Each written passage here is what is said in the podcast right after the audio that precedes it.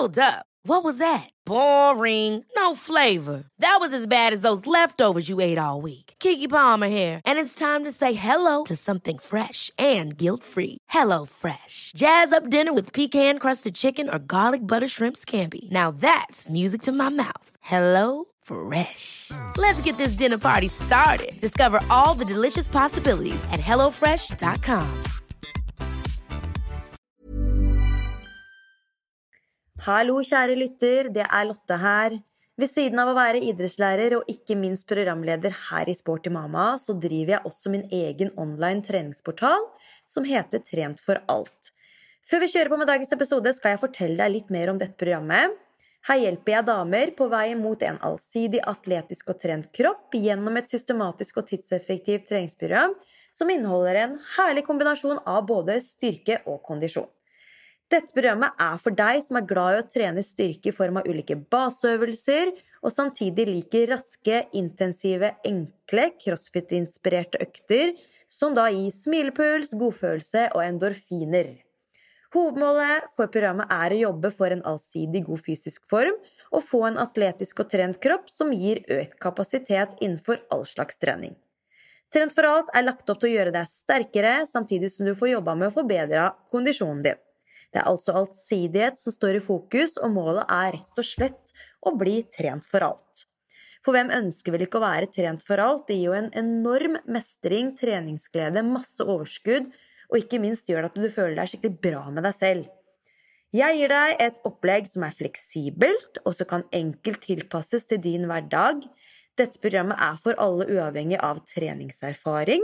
Alle øvelser og oppsett er lagt opp til ulike nivåer, og jeg hjelper deg til å finne gode løsninger som funker til ditt utgangspunkt, og ikke minst din livssituasjon. Enten du da er gravid og ønsker å opprettholde struktur i treningen, eller du er en nokså nok fersk mama som ønsker å komme i gang med systematisk og målrettet trening igjen, eventuelt om du rett og slett er en travel mamma som trenger tidseffektive økter som gir fremgang, jeg hjelper deg på veien da mot dine mål. Og gruppeoppfølgingen med meg det skjer via en egen app. Her eh, får du programmet enkelt og oversiktlig lagt opp, eh, og da er det tre hovedøkter i uka og to bonusøkter. Og i denne flotte appen så finnes det ulike chatfunksjoner, annet en egen chatfunksjon med meg, hvor du kan spørre om alt du måtte lure på. Jeg hjelper deg på veien.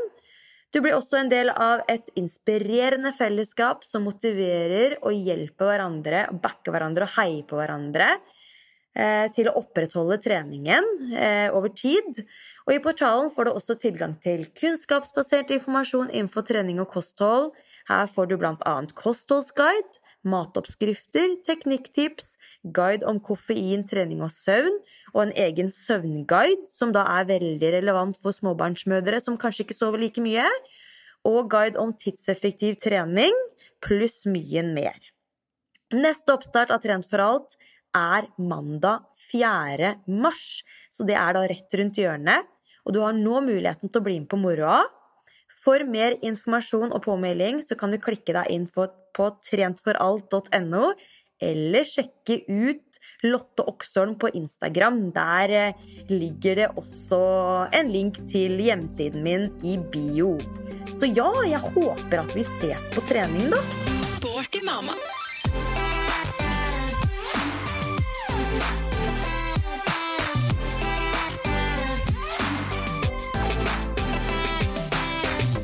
Ok, Det er jo veldig bra at vi faktisk er i gang her med dagens episode. For, eh, for et lite øyeblikk siden så virka det ganske fjernt. Jeg befinner meg på eh, kontoret. Var nødt å låse meg inn på handikappen og bare bli der. Sitte på toene en god stund og bare tenke Går det her bra? Må jeg avlyse med Lotte? Men jeg sitter her.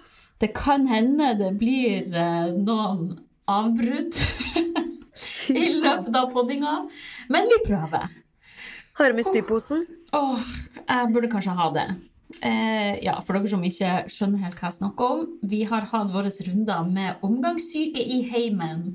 Hvem har vel ikke det, som har barnehagebarn og ja, i det hele tatt. Så nå sist helg har vi alle sammen spydd. Det er liksom Altså, det viruset der det kommer som en trøkk 16 og smell i panna. Og så Det er jo bare hissige greier. Så kommer det alle veier. Så det har jeg Mm. styrt med nå i det siste. Og våkna i dag og tenkte sånn Å, jeg føler meg som meg sjøl. Jeg føler meg fin igjen. Ja. Og så har jeg sittet her og kosa meg med matboksen og kaffe. Spist litt ekstra òg. ja, Nytt den gode maten. For det er jo noe av det verste med å ha omgangssyke. Det er jo ikke kunne nyte all den gode maten jeg er vant til å nyte. ja. Det er jo så ille at det hjelper. Ja, Men så kjenner jeg nå at magen må jobbe litt ekstra med de brødskivene der. Det er klart det. Så- Nå ulmer det godt nedi der. Kanskje det blir noe. Noen ekstra lydeffekter her på podkast. I så fall, beklager på forhånd. Nei, Vi satser på at det går bra, Anna. Gjør vi ikke det? Å ja, Vi får gønne på på, her. det. Herregud. Det er du komme deg liksom hjem og legge deg litt på sofaen etterpå. Ja, Hvis du får muligheten til det. når man står i sånne sykdomsrunder, det er sånn Alt annet blir sekundært. Alt av jobb og trening og alt sånn. Man må liksom bare ja, ha fokus Man har nok på med å overleve. Ja. Overleve. Og når barna også har det, det er jo det verste, da. Åh, så Ja, hele så søndagen ble tilbrakt innendørs mens det var sol og fint vær ute. Jeg bare lå langflat inne og prøvde å trykke i meg noen french fries, for det er liksom det eneste som. Det er min go to når det er spying på gang. Uh, ja. Man er så hjelpeløs når man ligger og har omgangsuken. Altså, man, føler, man føler seg jo bare helt ute å kjøre. Og ja, man har jo Syns jo så synd på seg selv og ja, skriker og driter og spyr samtidig. Roper Rope på elgen. Ja, Og når det ja. attpåtil er fint vær ute, det er jo det verste. og man bare må ligge inne. Nei, uff. Enn du, da? Hvor det går? Nei, det går strålende her. Altså, jeg har eh, heldigvis ikke fått meg dratt på meg en omgangsuke nå på en stund. Er Erik hadde jo runden, og jeg gikk klar. Og det skjønner jeg ikke, fordi jeg bada jo i spy omtrent. Ja, Uffa meg. du er her, da. Men det Ja, det er kanskje noen som biter litt enklere på enn andre på ulike sykdomsforløp og sånn. Ja, No, kan liksom, hende. ja. Noen er kanskje litt mer forkjølelse eller biter mer på type influensa, og andre mer på sånn magevirusopplegg. Ja. Men vi har absolutt hatt det i heimen, vi også. Hvor jeg har vært dager hvor jeg har vært ordentlig kvalm og uvel og ikke skjønt noe. Jeg har ikke kasta opp, men jeg har bare Her er det noe som ikke er helt i vant til, liksom. Mm. Ja. Så det kommer noen baselusker her og der fra barnehagen, altså. Merker det. Har aldri, vært Ja. sånn, har aldri hatt så mye dårlig sånne enkelt eh, dagsformdager og sånn enn det jeg har Altså tidligere var jo ikke det Da var eh, formen mer stabil, da. ja. Men etter at man fikk barn, så er det plutselig litt basillusker her og der som gjør at man blir satt ut. ja. Og så er det sånn Enten bare man- over dager eller eh, ja, flere dager. Ja. Når man har to, så er det liksom Når den ene blir syk, så vet man at ok, da er det bare å telle dager. Da tar det sånn ca. Ja. to dager før den andre også får det. Så da Det det. blir det igjen det der ok, da må han eldste være hjemme fra barnehagen. Hvem tar det? Ja. Og så hvem tar han minst når han er hjemme fra barnehagen? Det er en evig kabal, det der. Det går Mm. virkelig ikke opp i hverdagen. Da er det full eh, krasj i AS-et, for å si sånn. Da. Det er det. Ja. Og det er jo liksom, ja, Når man driver for seg sjøl og har treningsportal og sånn, det Mm. gjør seg jo ikke av seg sjøl. Så det, da må jeg jo bare jobbe på kveldene og helger og sånn. Ja, det blir det her òg. Ja, sånn er det. sånn er det. Sånn er livet. Men eh, vi har hatt en veldig fin eh, Det har jo vært vinterferie nå, vet du. Og jeg er jo lærer, så da har jo jeg hatt Ja. litt eh, ferie. Herregud, tenk på det. Vinterferie er jo Mm. et ikke-eksisterende begrep i mitt liv. Nei, det er jo ikke det. Og det er for veldig mange ikke heller. Så det er jo mer, mer type skole... Er skoleverk som har det. Ja. Så det er jo elever og, og lærere, da. Men eh, det er jo aldri noe ordentlig vinterferie. Man kan vel heller si at det er en ferie hvor man retter og gjør eh, Kommer seg litt eh, ovenpå med arbeid igjen før det er oppstart igjen. ja. Mens elevene får en liten timeout, da. Så det er jo fint for de. Men da fikk vi i hvert fall tatt oss en tur opp på fjellet, og det var så påskestemning. Det var så deilig med sol og Ja, det var ikke plussgrader direkte, men sola varma, så det føltes sånn skikkelig ut som at åh, nå Jeg fikk en ordentlig påskefølelse, da. Deilig. Og bare sånn som når vi har kommet hjem de dagene etter ferie nå, hvor sola har titta fram, og det er plussgrader, og snøen er nesten helt borte og sånn, jeg blir skikkelig gira, jeg, på bare Å, når vi er ute og løpe, og når vi er ute og går Mm. tur, og man har nesten lyst til å hoppe i vannet, liksom, men det er litt da, Ja. Det er litt Ja. tidlig. Man får en ny giv. Det er så Ja. Men det er jo litt sånn typisk òg den måneden her, da. Februar, luremåned. Nå er vi snart i mars. Det kan fort komme en runde til med snø. Og det er sånn ah, Det vet jeg ikke helt om jeg orker nå. For nå er jeg så klar for vår. Altså, du snakker med en nordlending, Lotte. I Harstad Ja. kan det fort snø i juni. Mm. Så det Det er bare å stålsette seg, alle dere nordlendinger. Det gjelder å bare Ja. finne gleden i vinteren litt til. Mm. Ja da. Og det er jo veldig deilig med vinter når det ikke er beinkaldt. Ja. Når det er litt sol og det er litt den, den påskevinterstemninga, den elsker jeg, da. Og den fikk vi kjenne skikkelig på fjellet nå, så det var veldig, veldig godt. Eh, Fikk gått litt ski, skiturer og mye hyttekos og god mat. Og så hadde vi besøk av et vennepar da med en liten baby på han er vel litt over seks måneder, da, så Erik syntes det var ekstra stas med han, da. Åh, Så det, mm, det er gøy å se hvordan han viser omsorg eh, overfor babyer. Det å gi bare i smokken og leker og stryker over hodet og vil kose og sånn, da. mm. Og altså, jeg blir jo rørt av det, og da kan man jo tenke seg, da, hvis man etter hvert er heldig å få et barn til, da.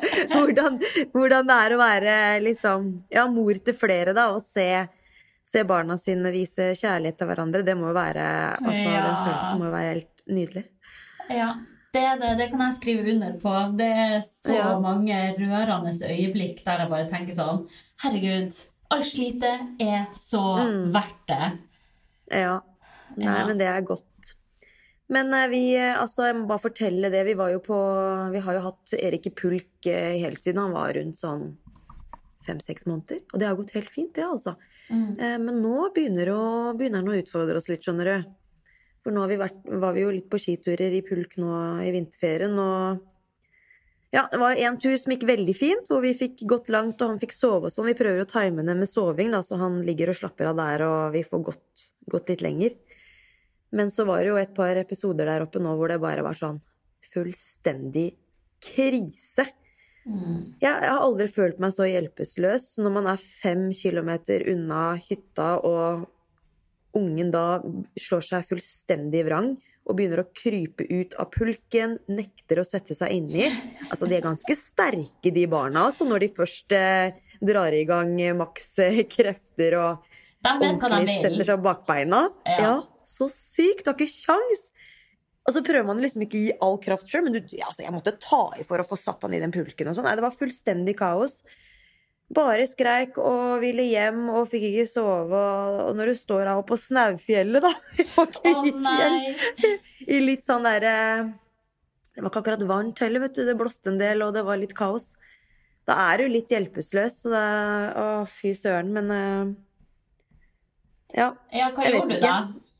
Nei, eh, vi måtte jo da Han nekta jo å sette seg i den pulken etter mye om og men. Vi prøvde å gi sjokolade og alt mulig for å liksom utsette problemet og at ikke det skulle eskalere, da. Men eh, Mm. det var jo bare minutter før det ble fullstendig eh, krise igjen.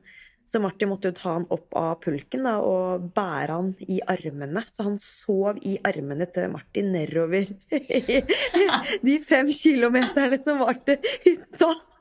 Å nei! Ja, Så der, eh, ja, der kjører han i full fart med ungen nedover i armene. Mens jeg kommer bak med pulken og har jo ikke kontroll på den, liksom. Jeg har ikke akkurat kjørt så mye pulk nedover.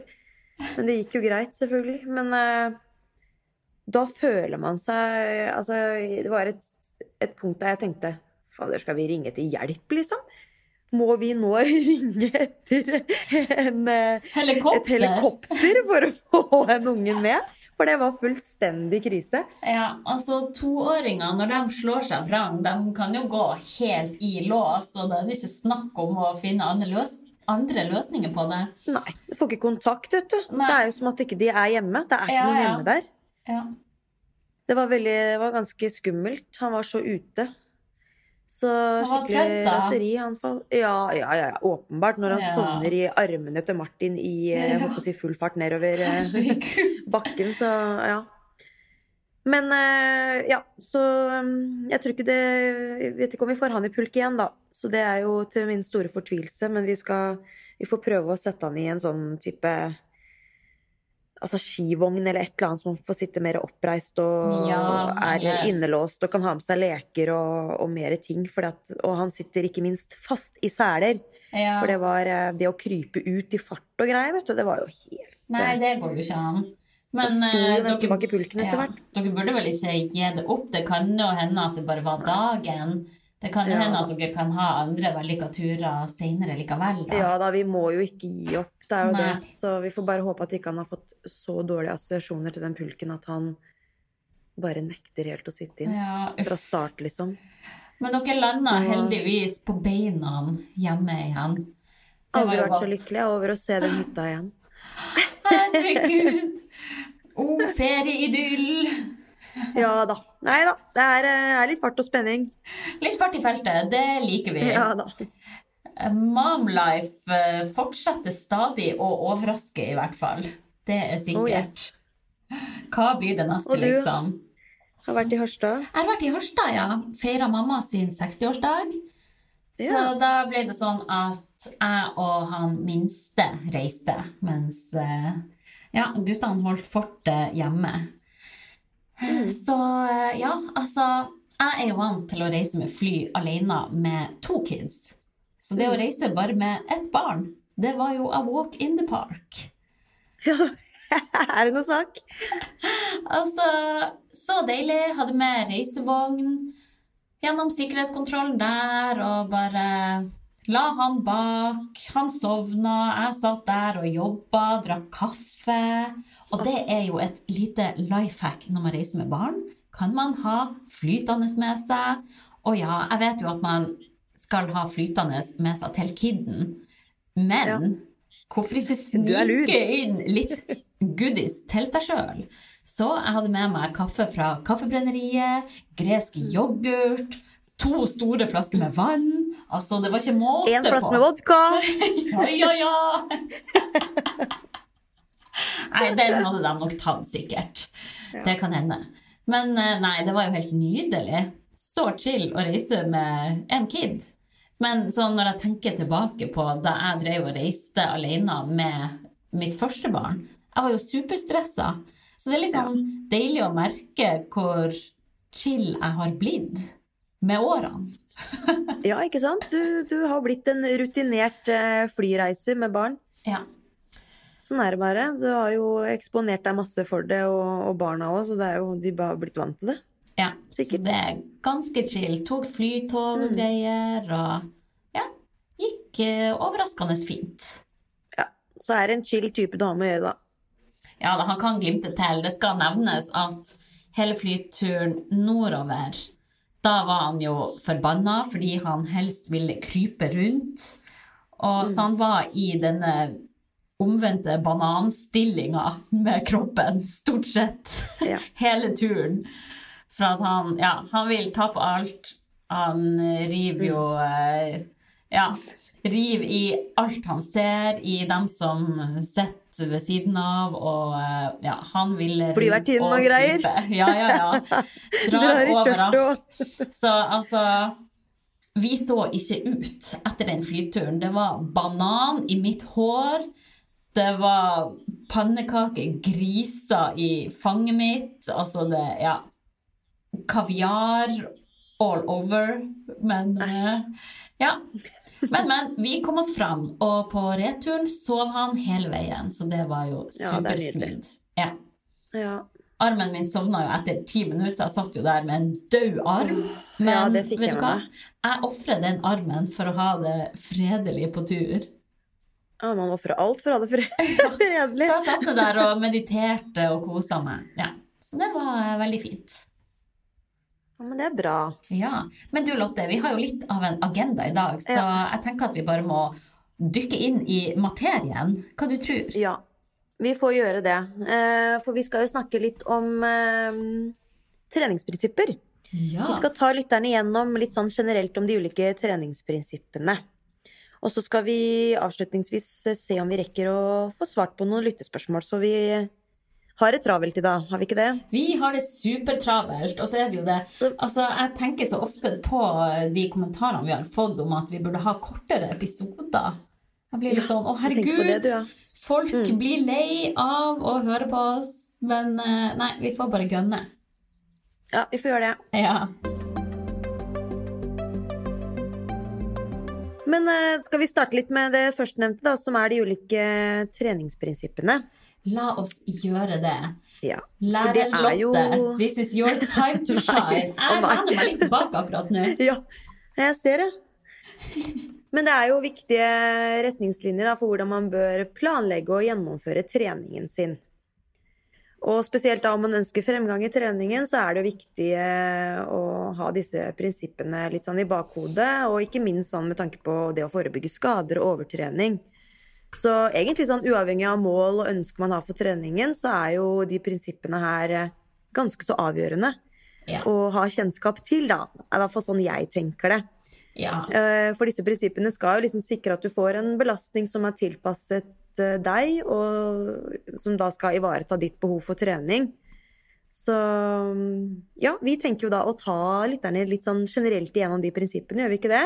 Jo. Og så håper vi at det, det kan være noe man kan ta med seg til bruk i egen treningshverdag, både når det kommer til planlegging og gjennomføring av egen trening, da. Det er sikkert en del mama som driver og lager litt egne treningsplaner og sånn. Jeg husker jo jeg gjorde i hvert fall veldig mye det i forbindelse med permisjonstida og sånn. Mm. Da blir det jo, og da er det veldig greit å ha kjennskap til de prinsippene og kunne liksom ta litt hensyn til de, da, Ja. i treningen sin. ja. Det Så vi gunner på, gjør vi ikke det? Ja, Første så prinsipp. jeg kan jo bare nevne det at disse prinsippene er jo greie å kjenne til, sånn uavhengig av hvordan forhold man har til trening. For det Ja. er jo uansett nyttig å, å vite litt hva man driver med, da. Og hva, Mm. hvordan grep man kan ta for å sørge for at den tida man faktisk legger ned på trening, Mm. gir maks effekt. For vi vil jo alle ha Absolutt. maks effekt. Uansett om man driver med hjemmetrening, eller om man er på en crossfit-boks, eller ja, hva enn, så er jo disse prinsippene gjeldende over hele linja, da. Ja, Og det er også uavhengig om man ønsker fremgang med treningen, så er det jo Altså hvis man bare har helsemessige mm, mål da, med treningen, Mm. ønsker å høste flest helsefordeler ved å trene, og det er liksom det viktigste, så, så vil man selvfølgelig også måtte ta hensyn til treningsprinsippene. Så åpenbart. Så det Ja. gjelder for alle. Det gjør det. Ok, start på nummer én. Ja, det, er, det handler da om eh, belastning og tilpasning.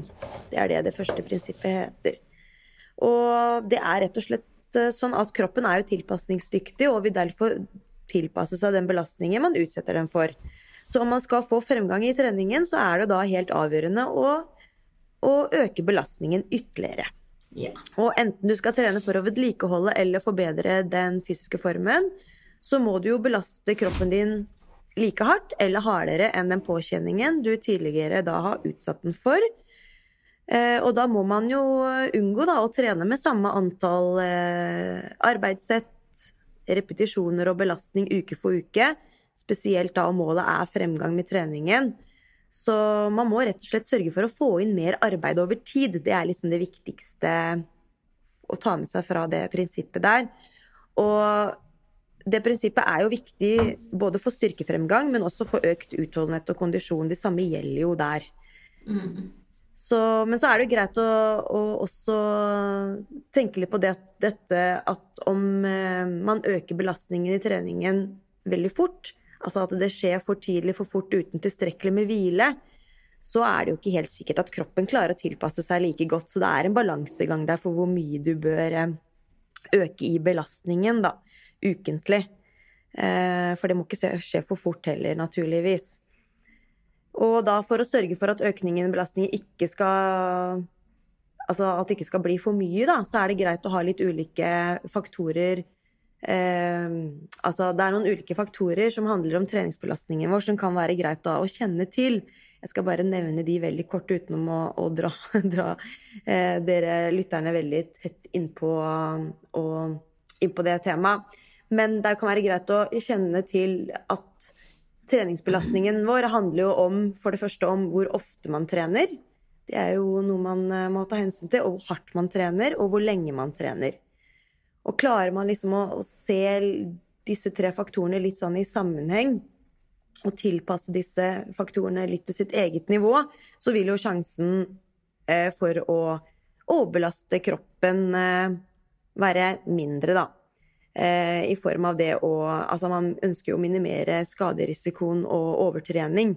Så hvis man har disse faktorene litt sånn på plass så har noen tanker om hvordan man kan legge opp treningen basert på disse tre faktorene, slik at ikke det blir for mye, så vil det jo være lettere å styre unna både skader og overtrening, og ja, unngå at eh, belastningen man påfører kroppen, overstiger egen kapasitet, da. Mm. Og så er det selvfølgelig en god idé da, å veksle mellom harde og mindre harde økter i løpet av en uke. Det er jo en måte, på den måten så restituerer jo kroppen seg mye lettere også.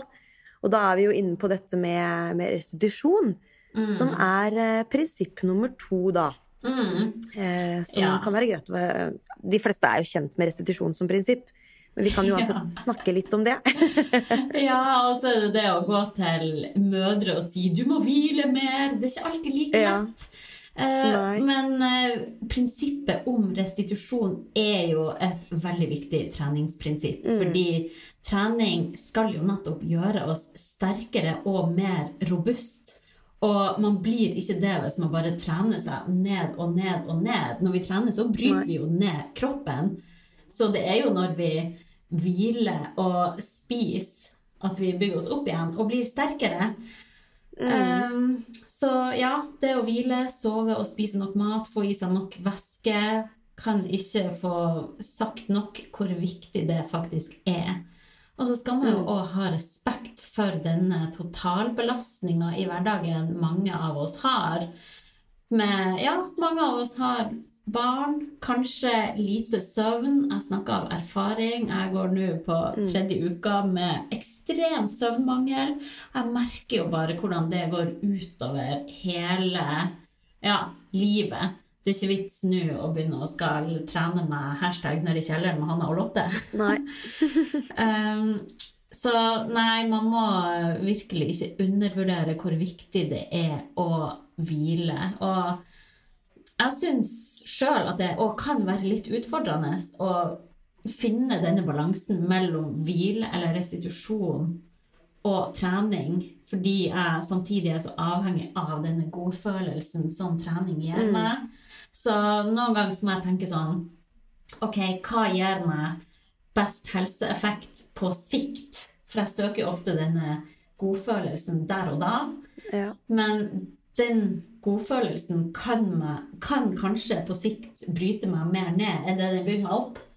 Så det å kanskje ok, skippe den planlagte økta, gå seg en tur, kjøre litt mobilitet i stedet. Ja, se på totalbelastninga. Mm. Og ja, det er jo noen signaler som kanskje kan indikere spesielt at man trenger å restituere mer. Og det er jo Ja, selvfølgelig, hvis man bare føler seg dritsliten og trøtt, så er det jo et sikkert tegn på at man kanskje må hvile mer. Mm. Men også hvis du Absolutt. merker at du bare stagnerer skikkelig på trening, ja, ikke har framgang i det hele tatt, ser at kroppsvekta kanskje daler mm. Ja, da burde man eh, gi kroppen mulighet til å hente seg inn. Jeg kan også sjøl merke at jeg kan bli mer irritabel. Får melkesyre bare jeg går opp ei trapp. Ja, det er mye som kan eh, spille inn på Eller det er mange ulike symptomer på mm. manglende restitusjon. Men eh, ja, hvis man er en person som trener veldig mye, og som kanskje føler seg ganske sliten sånn ellers utenom treninga, så prøv å ta noen uker med å trene mye mindre og hvile mye mer, og bare bygg overskudd. Kjenn etter hvordan, hvordan restitusjon faktisk kan påvirke kropp og hode veldig positivt. Mm. Absolutt. Og det å stresse litt ned òg. Og det er litt Ja. Det å si til liksom mødre da, at nå må du stresse ned, det er ikke så veldig lett. For man har jo et ønske om å stresse ned, men så er det så veldig mye annet utenfor vår kontroll som gjør at vi ikke klarer Ja, å gjøre det. Fordi det skjer så jækla mye Ja. uforutsigbart hele tida, da, som du må bare stå i og Og ja, Mhm. sånn er det bare, liksom. Ja.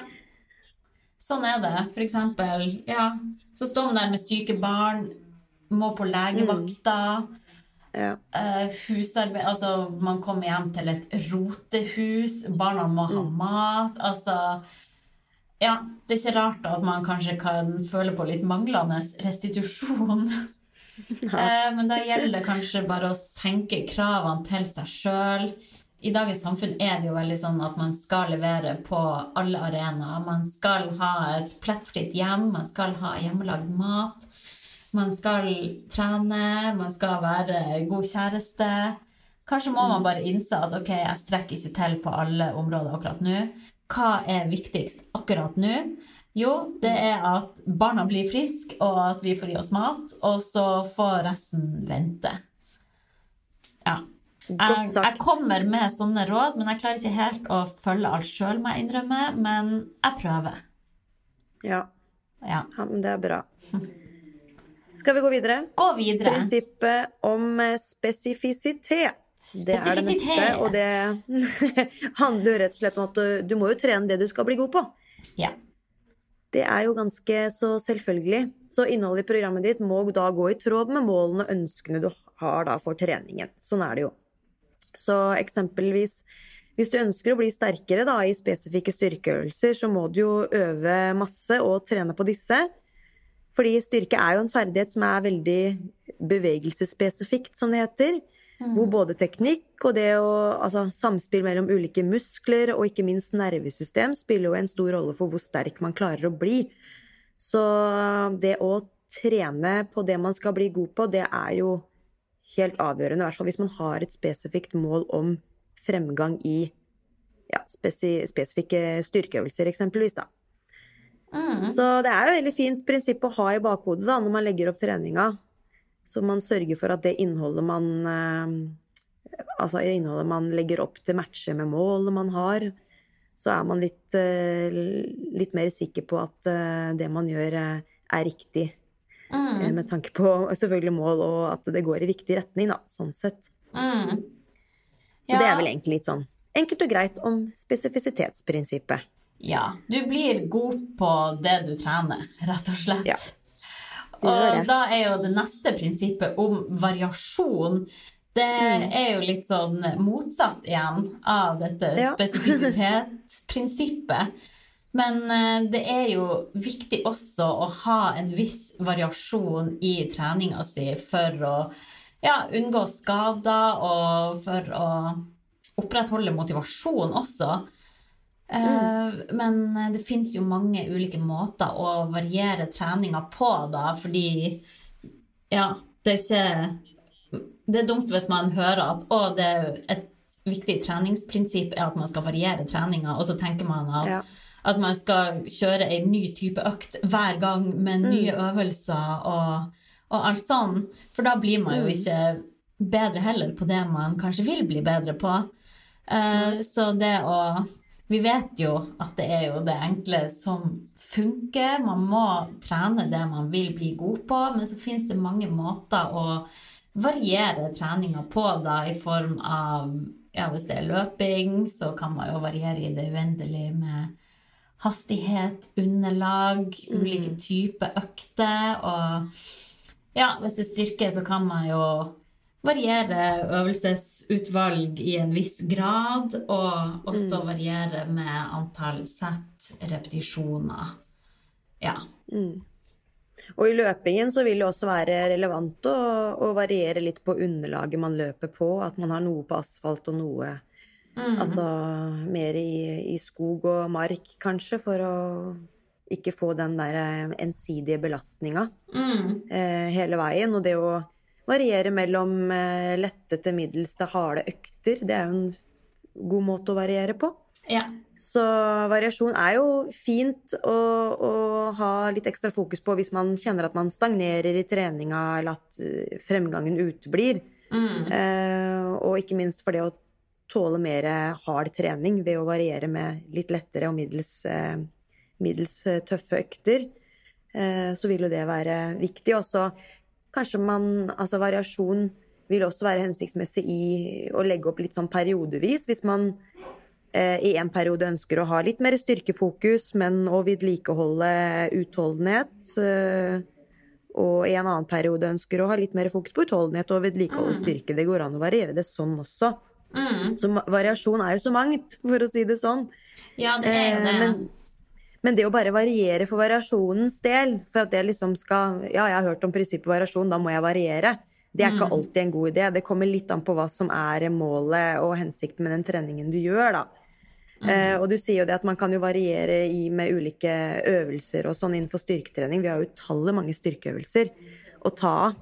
Eh, og så er det det spørsmålet om man skal da bare variere masse ulike øvelser hver uke. Eh, og liksom bare plukke nye økter for hver uke, eller om man faktisk skal holde seg til litt sånn samme oppsett og øvelser eh, over en periode. Ehm, jeg vil jo si at hvis målet liksom er å eksempelvis øke i muskelveksten, da, så kan jo variasjon i øvelser for samme muskel og muskelgruppe være fint, fordi du da påfører muskelen eh, litt ulik muskelstimuli. Eh, sett at ulike øvelser belaster musklene litt ulikt. Mm. Så det kan jo være fint når målet er muskelvekst, eh, den variasjonen i øvelser for samme muskelgruppe. Eh, men om man ønsker å bli sterkere i spesifikke styrkeøvelser, så vil liksom ikke variasjon i øvelse være like gunstig. For det, det handler jo egentlig mest om spesifisitetsprinsippet. Eh, mm. At du Skal du bli god i eksempelvis markløft, da, så må du trene markløft. Mm. Eh, og da du, bør du ikke nødvendigvis variere med veldig mange andre øvelser. Eh, da er det heller det å kanskje variere litt varianter av markløft. Mm. Eh, at du det blir jo litt, eh, litt, mer avansert, men de som ønsker å virkelig bli sterkere i eksempelvis baseløftene, de har jo som regel eh, etter hvert eh, litt ulike varianter i treningsprogrammet sitt som gjør at man eksempelvis markløft med stopp kan jo, eller mm. stoppvarianter, det kan være markløft med strikkmotstand, eller andre varianter som gjør at du styrker opp spesifikke deler av løftet ditt, da. Mm. Som gjør at du totalt sett da blir sterkere i markløft som en øvelse. Så da varierer man mer på ulike varianter innenfor samme øvelse, mer enn at man varierer øvelsesutvalg, da. Mm. Siden skal du bli sterk i markløft, så må du gjøre markløft. Det er bevegelsesspesifikk trening, da. Mm. Men ja, eh, veldig motiverende. Det, det, er noe å tenke over, da. Ja, mm. motiverende uansett. Og, å kunne jobbe med ulike varianter innenfor det man ønsker å forbedre. Ja, ikke sant? Og ikke minst skadeforebyggende også. Og så kan du variere mellom eh, Du vil jo variere mellom eh, altså antall repetisjoner, arbeidssett og belastninga di. Mm. Så mm, selv om man velger de samme øvelsene, så, så, er det andre måter man kan være på enn å hele tida måtte variere øvelser og kalle det 'finne opp kruttet på nytt', da. Ja. For det kan bli litt sånn sirkusaktig noen ganger hvis man skal prøve å finne opp nye øvelser. Man ser jo det at det florerer jo av litt sånn derre Kanskje ikke basic-øvelse på Instagram, noen som liksom skal prøve å finne opp kruttet på nytt. Altså, hva er hensikten med det? mm. Bare fordi det er en kul øvelse, vil det ikke si at det er en effektiv øvelse. Ja. Og hva som er effektivt, må ses i sammenheng om man mestrer en øvelse også, så det er jo mye å ta hensyn til sånn, men variasjon i seg selv kan være fint for noen formål, eh, og i noen situasjoner eh, mens det i andre situasjoner kanskje er mer hensiktsmessig å tenke mer på prinsippet om spesifisitet. For hvis man bare varierer for variasjonens del, så vil man jo kanskje periodevis ikke få retta treningen sin like spesifikt mot det målet man har, og da kan man jo begynne å snakke om progresjonen igjen, da. Mm. Da utblir den kanskje. Ja, Så her må man se det, det hele og store bildet, og ikke bare tenke på variasjonsprinsippet i seg selv når man legger opp treninga si, da. Mm.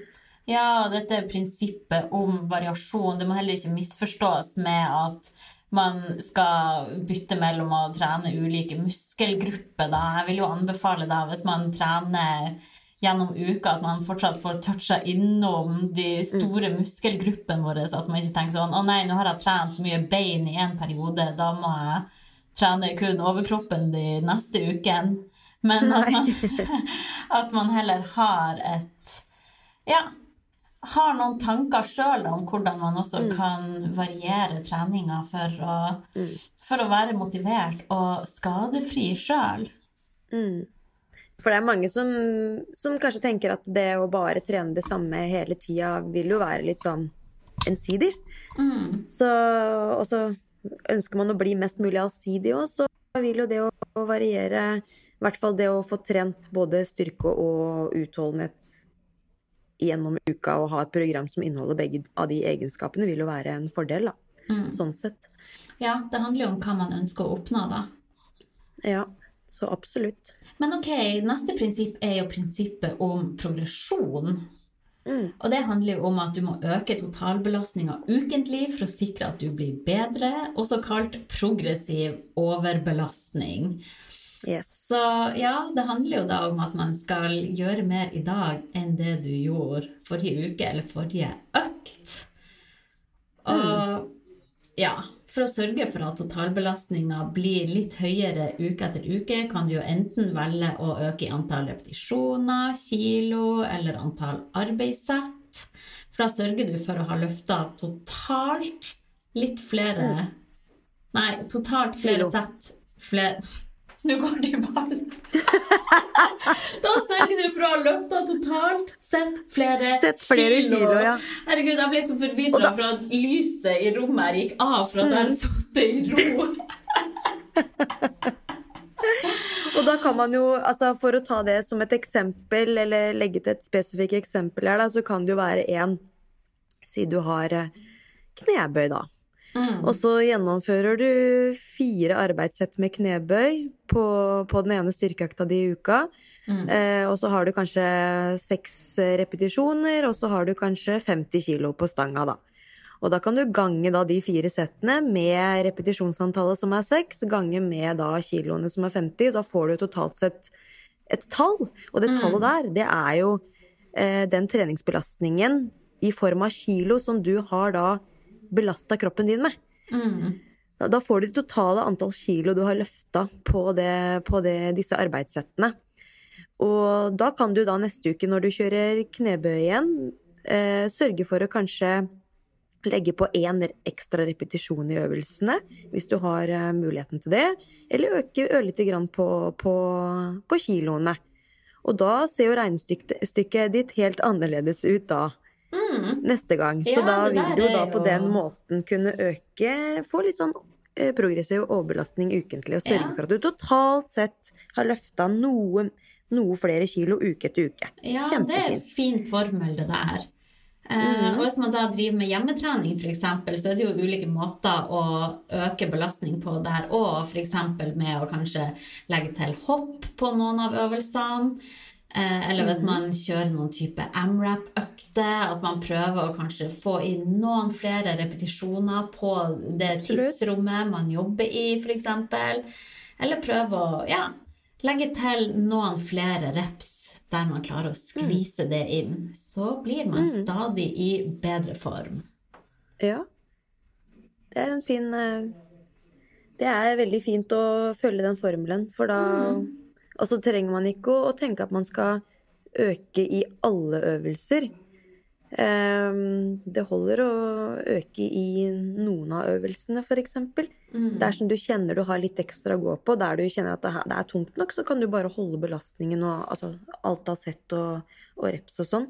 Ja. Um, så det, det er noe å tenke over, at man ja, ser litt på denne progressive overbelastninga da, Mm. ukentlig. Jeg Og spesielt er dette her veldig viktig for de som ønsker å bli altså få en progresjon. Ja. For de som ikke er så viktig for, så spiller jo ikke så stor rolle. Sånn sett. Men kroppen er jo tilpasningsdyktig igjen, da. Så det som har vært tungt den første uka, er ikke Det blir jo Kroppen blir jo øh, vant til denne belastninga, så da blir det jo stadig lettere, da. Ja. Jeg tenker jo med en gang på eh, Inger Inn Egersund. Eh, til dere som har hørt den episoden, så, så sier jo hun at hun trener med akkurat de samme vekten som det hun gjorde for et år siden, og hun er strålende fornøyd med det. Så det er jo litt sånn Hvis man har som mål å bare få trent og få godfølelse Kanskje blir noen litt stressa også av dette jaget at du må øke, øke, øke. Eh, Så ja, det er jo for dem som faktisk ønsker å bli sterkere, da, og ja bare syns det er litt moro, da. Ja. Du må jo trives med det, og, det, er, og det må være en, ja, noe du syns er ordentlig gøy, da. ja. Hvis ikke så kan man jo bare fortsette å holde det samme og så tenke at man vedlikeholder, da. Og så Sånn som man Inger da Ja. gjør. Ja. Så skal man jo ha dagsformen også, da, så man skal ikke bli demotivert hvis man står der på ei økt og trener med samme antall kilo som det man gjorde forrige økt, og kjenne at man ikke klarer å, å øke noe for hver bidige økt, for det handler mye om dagsform og Ja, det er mye som spiller inn da. Så ikke bli demotivert hvis du ikke klarer å ha progresjon på hver bidige økt. Nei, nei, nei. Du kan ikke gå rett i kjelleren da, vet du. Da må du bare tenke at ja, ja. Da prøver vi igjen en annen gang. Og så er det jo litt sånn at eh, det fins jo eh, vekter som er sånn mikroloada. det fins jo en halvkilo, det fins én kilo òg. Ja. Du trenger ikke å tenke at du skal øke med to og en halv kilo eh, for hver uke. Eh, jeg tenker at eh, klarer man liksom å øke et par arbeidssett med én kilo ekstra, da, så er det ja, kjempebra. Mm. Så det, det fins flere måter å sørge for en eh, progressiv overbelastning på. Det trenger ikke å være veldig, veldig stort sprang da, uke til uke. Kan være baby steps. Ja, så sant. Og så har jo dette prinsippet om kontinuitet. For den treninga Yes. som funker, er jo den treninga man faktisk får gjort. Ja, godt sagt! Burde tatovere det på kroppen. Ja, det syns jeg. Den har jeg hørt, den uttalelsen der. Den er du god på. Ja, men det er jo helt riktig det du sier. At eh, det handler jo om å komme seg på trening og få, få arbeidet gjort. Ja. Eh, ellers så hjelper jo ikke. Eh, så man må unngå at treningen skjer eh, sp- sporadisk. Mm. Eh, nøkkelen for å liksom få denne fremgangen over tid, og ikke minst eh, få en god treningsrutine og en treningsvane, det er jo å opprettholde en kontinuitet på treninga. ja. Eh, Så da gjelder det jo, skal man få til det, så gjelder det jo å ha et program da, som er tilpassa til seg selv og sin livssituasjon. For det er da det er bærekraftig over tid. Mm. Det hjelper ikke da å strekke seg til flere økter enn det som egentlig man, man ser at kabalen går opp til sånn ukentlig. For da blir det jo bare et sånn evig jag og sånn negativt uh, ja, Man får liksom ikke den gode følelsen rundt treninga. Da har man liksom overgått litt hva man egentlig er kapabel til å få til, da, kan du si. ja. Så det å bestemme seg for et antall økter som er overkommelige og realistiske gjennom uka og måneder osv., det er jo det som er viktig for, eh, for å få en god etterlevelse, da. Så man klarer å, å ja, fortsette med over tid. Ja. Man må finne ut hvordan type trening som passer inn i sitt eget liv, og hva som faktisk er realistisk å få gjennomført. Eh, Det, jeg tror nok det er mange som kanskje søker seg til en PT eller en online coach og bare tenker at ok, da overlater jeg jobben til vedkommende som skal få meg i form. Men den største jobben sitter du jo på sjøl, og det er jo faktisk møte opp på trening og være dedikert. Og tåle at ok, det blir noen tunge dager nå. Jeg kommer til å ha noen dager der jeg ikke er toppmotivert for trening, men å faktisk evne da å bite i det sure eplet og komme seg i gang og, og få jobben gjort. Mm. Og så er det jo ikke alle treningsøkter du kan gå inn og tenke at ok, det her er en ti av ti-økt. Det er jo Du har jo opplevd det sjøl også, gå inn og hatt en sånn middels god økt og dårlige økter òg, men man har jo stått i det og kommet igjennom, og jeg tror det er det som Det handler jo om å, liksom, å fremdeles opprettholde den rutinen, da. Selv om du går inn i en økt og, og kjenner at det er litt pyton, så må man noen ganger stå i det også, for det, det er med på å skape vaner over tid, da. Ja. Så ikke, du kan ikke ha en forventning om at alle økter skal være ti av ti. Det er veldig mange økter som vil eh, heller ligge litt sånn middels på, på treet, tror jeg. ja, ofte er bare det viktigste å komme seg i gang og, og, gjennomføre. Og så kommer man jo aldri til å angre. Det er jo så sykt klisjé, men, eh, mm. men man er jo alltid så glad for at man faktisk mm. bare tok seg litt sammen, kom seg i gang klarte å gjennomføre. Mm. Det er ja. så, så er mye jo... bedre enn ingenting. Mm. Så er det jo lett å tenke at når man gjennomfører en økt som ikke går så bra, så, så er det sånn Nei, men da, da var ikke den her eh, Det var ikke noe økt jeg på en måte bør spare på, holdt jeg på å si. Det er ikke noe økt som gir meg noe fremgang, eller det er ikke noe økt mm. som hadde noe nytte av seg, da. Men sånn er det ikke.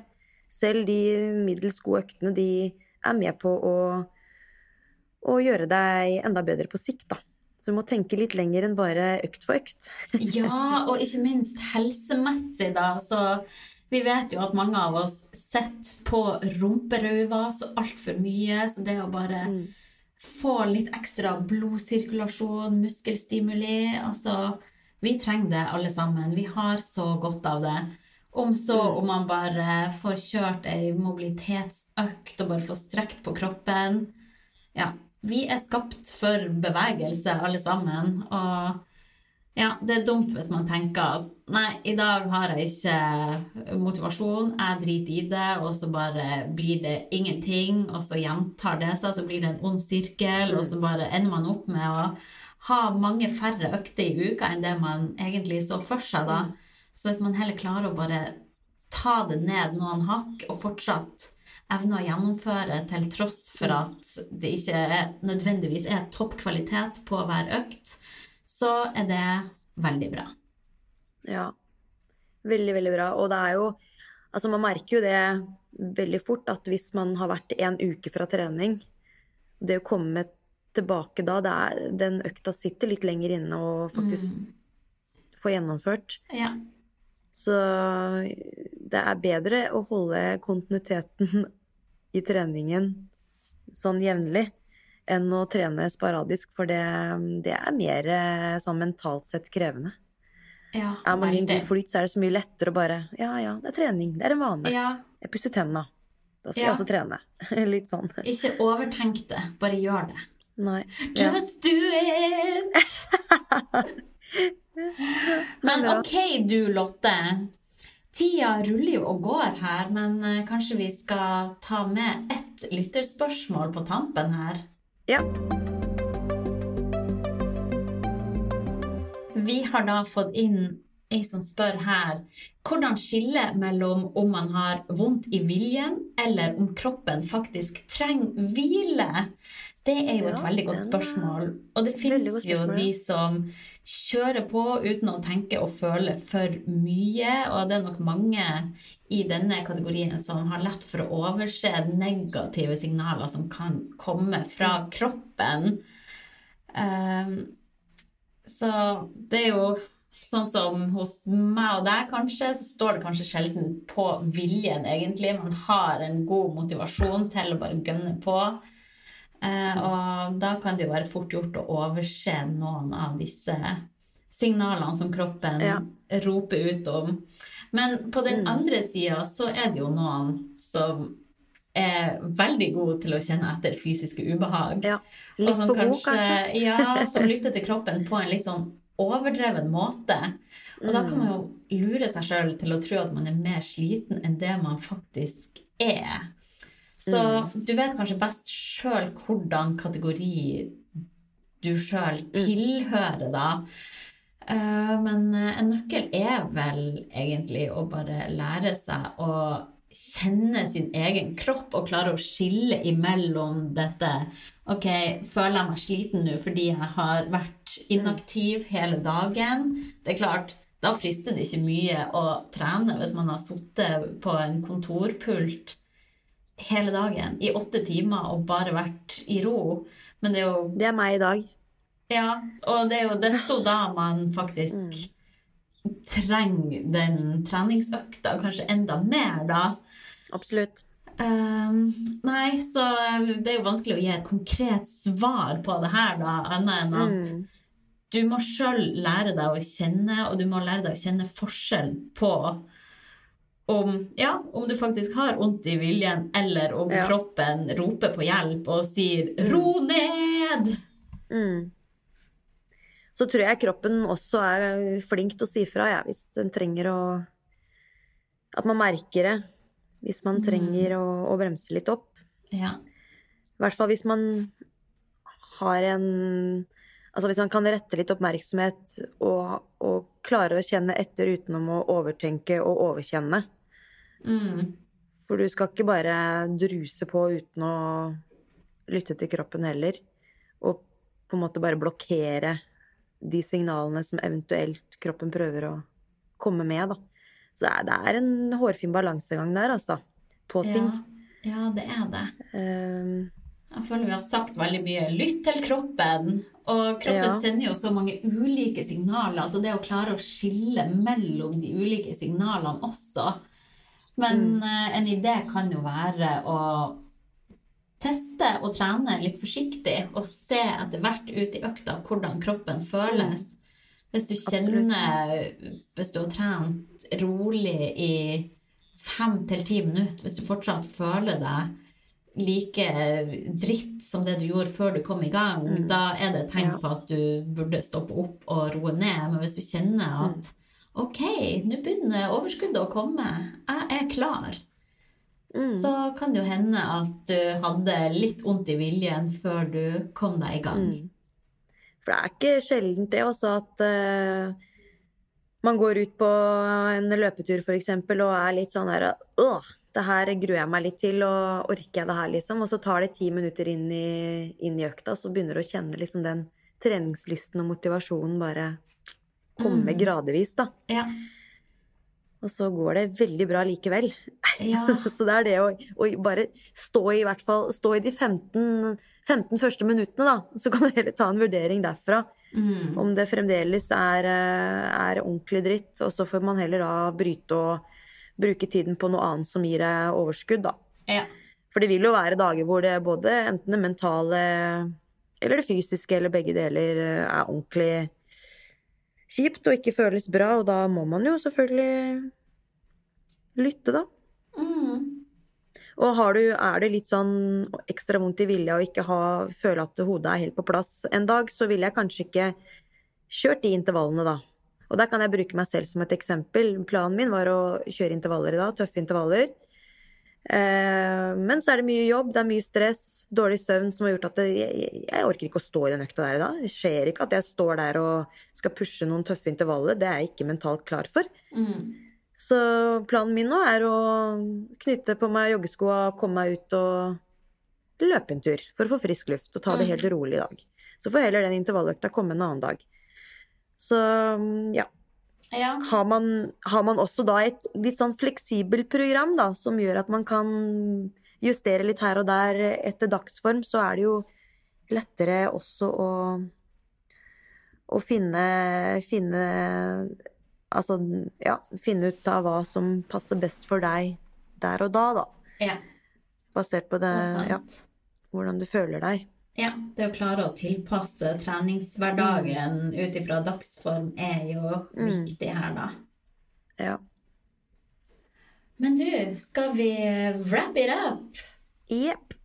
Jeg ser at det er sol i Larvik, så du har jo en nydelig joggetur foran deg.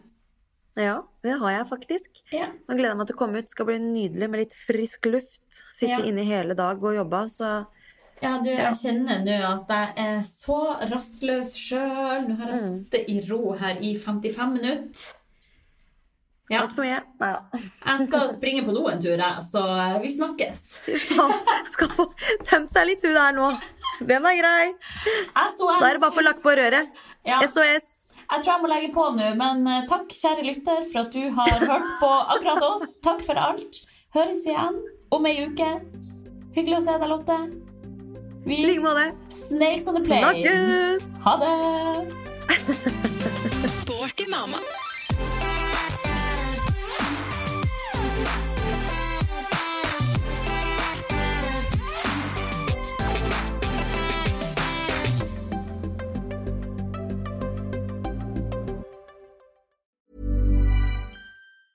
Hi, I'm Daniel, founder of Pretty Litter. Did you know cats tend to hide symptoms of sickness and pain? I learned this the hard way after losing my cat, Gingy. So I created Pretty Litter, a health monitoring litter that helps detect early signs of illness by changing colors, saving you money and potentially your cat's life. Pretty Litter is veterinarian developed, and it's the easiest way to keep tabs on your fur baby's health right at home. Go to prettylitter.com and use code ACAST for 20% off your first order and a free cat toy. Terms and conditions apply. See site for details. Even when we're on a budget, we still deserve nice things.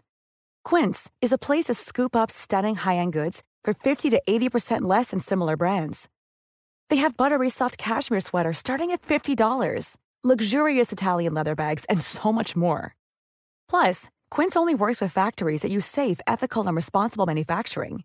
Get the high-end goods you'll love without the high price tag with Quince.